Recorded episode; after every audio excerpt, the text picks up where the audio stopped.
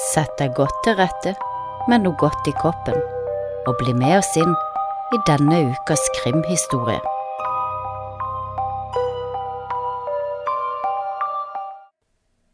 I 2019 ble den indiske seriemorderen Kuluva Patel arrestert for ikke mindre enn ti mord.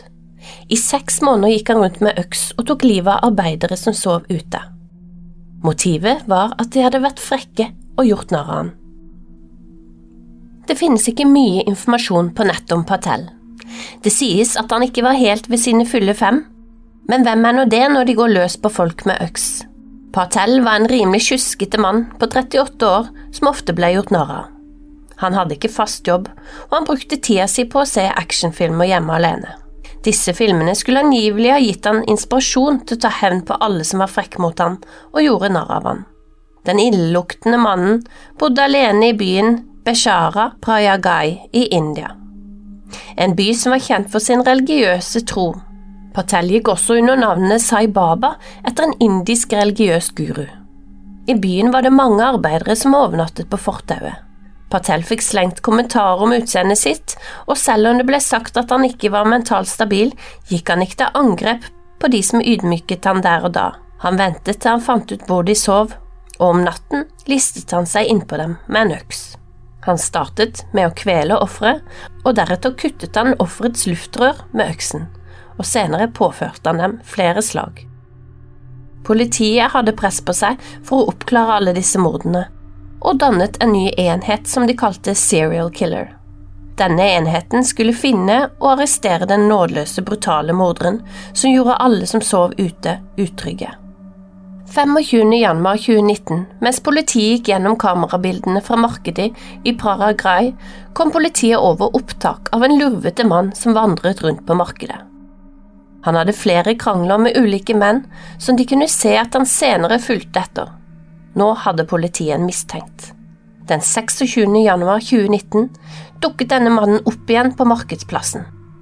Politiet fanget seriemorderen som streifet rundt i Mela med en blodvåt øks i hånda. Han ble fanget opp igjen på overvåkningskamera mens han angriper en mann ved Mela, et religiøst pilegrimsmål i India. Arrestasjonen sendte sjokkbølger over hele Mela da den 38 år gamle mannen ble arrestert og tilsto å ha begått ti drap bare de siste seks månedene. Kump Mela er kjent for å ha en elv der folk kan vaske syndene av seg, og man tror at det var der Patel var på vei. Under avhørene tilsto Patel alt. Han mente at å slå mennene i hjel var sin måte å føle seg bedre på etter at de hadde ydmyket og gjort narr av han. Han ble sint, men han ville vente med å ta hevn til at mennene hadde sovnet. Politiet her mente at de hadde med en psykopat å gjøre, og ikke en smart en, han forlot åstedet uten å tenke på bevis eller å rydde opp etter seg.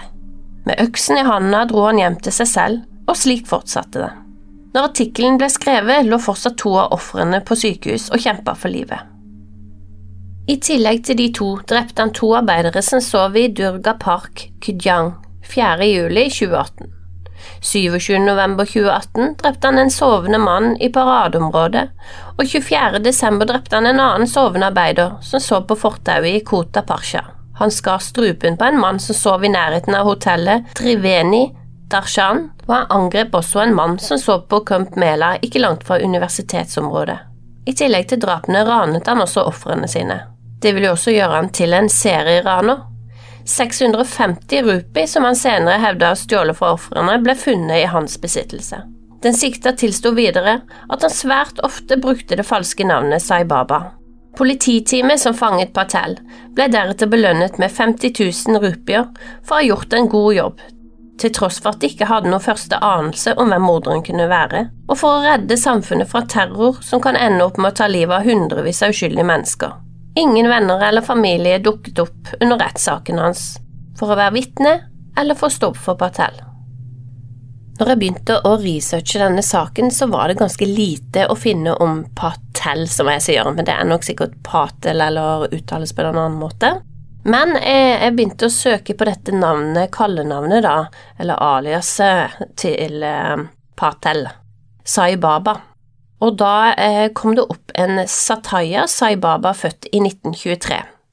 Han var en selvutnevnt guru, en eh, direkte reinkarnasjon av Shirdi Sai Baba, som da igjen var en reinkarnasjon av Shiva og Shakti, så få ledd til de store gudene.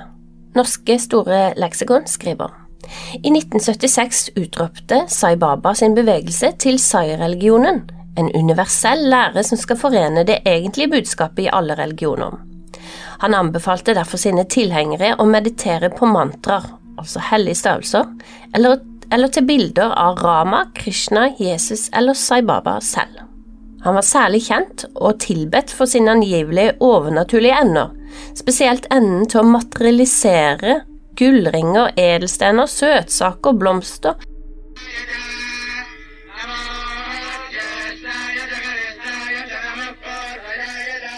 I denne YouTube-filmen så eh, tar Sai Baba og gurgler vann, full konsentrasjon mens noen messer for han, og til slutt, så vips, så kommer det en edelsten ut av munnen hans. Til alles begeistring. Sai Baba hadde stor tilslutning over hele India, og fikk også tilhengere i den vestlige verden. En egen avdeling i Oslo ble grunnlagt i 1984. Sai Baba var en av 1900-tallets mest populære hinduistiske guruer. Han er begravet i bevegelsens senter, Puttaparti. Så kom jeg over noe fra 6. juni 1993. Da ble nemlig fire menn drept i Sai Babas religiøse palass. Det var mange mennesker til stede i bygningen, og Sataya Saibaba var også til stede. En YouTube-film laget av Robert Priddy, tidligere leder i den norske Saibaba-organisasjonen, intervjuer han et vitne, Eileen Weed. Hun var til stede da mordene skjedde, og forklarer at alarmen gikk, og etter mye styr kom to av Saibabas barnebarn med blodige hender og føtter, og de ber Eileen om saks og tau. Hun ga det en saks og det tauet hun hadde brukt til å binde blomster med, og gikk tilbake. De påstår at de hadde tatt fire menn som hadde brutt seg inn. Politiet kom til stedet, og etter en stund hører Eileen skudd.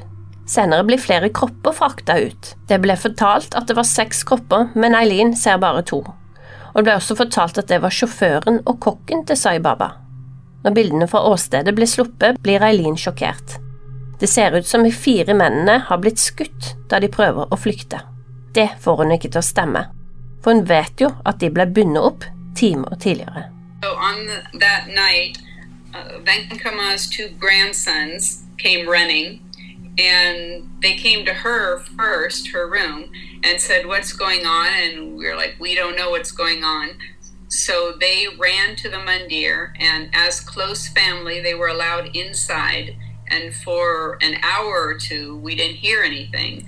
But then they came out and came to Venkama and said, Do you have any scissors or do you have any rope? Because we caught the people who went in there and we need to tie them up.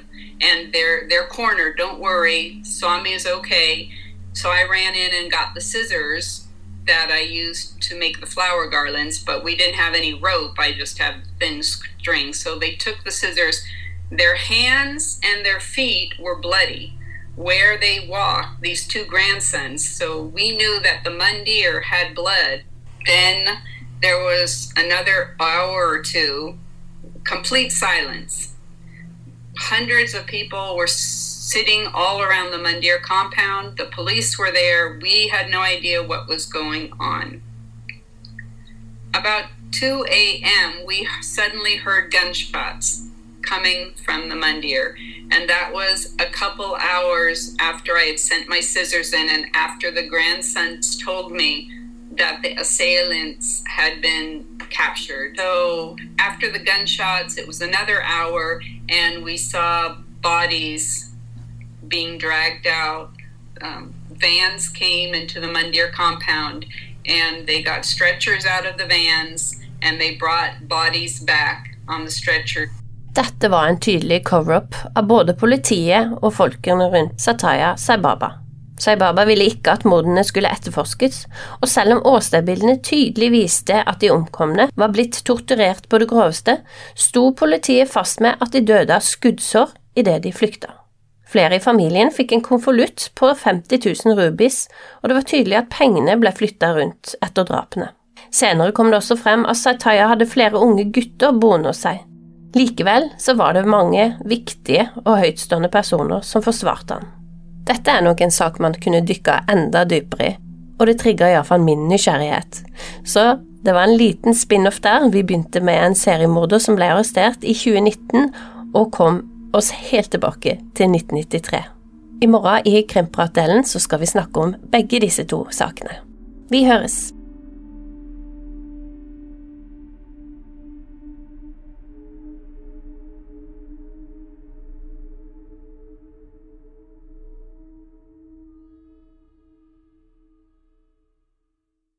Har du et enkeltpersonforetak eller en liten bedrift? Da er du sikkert lei av å høre meg snakke om hvor enkelt det er med kvitteringer og bilag i fiken, så vi eh, gir oss her, vi.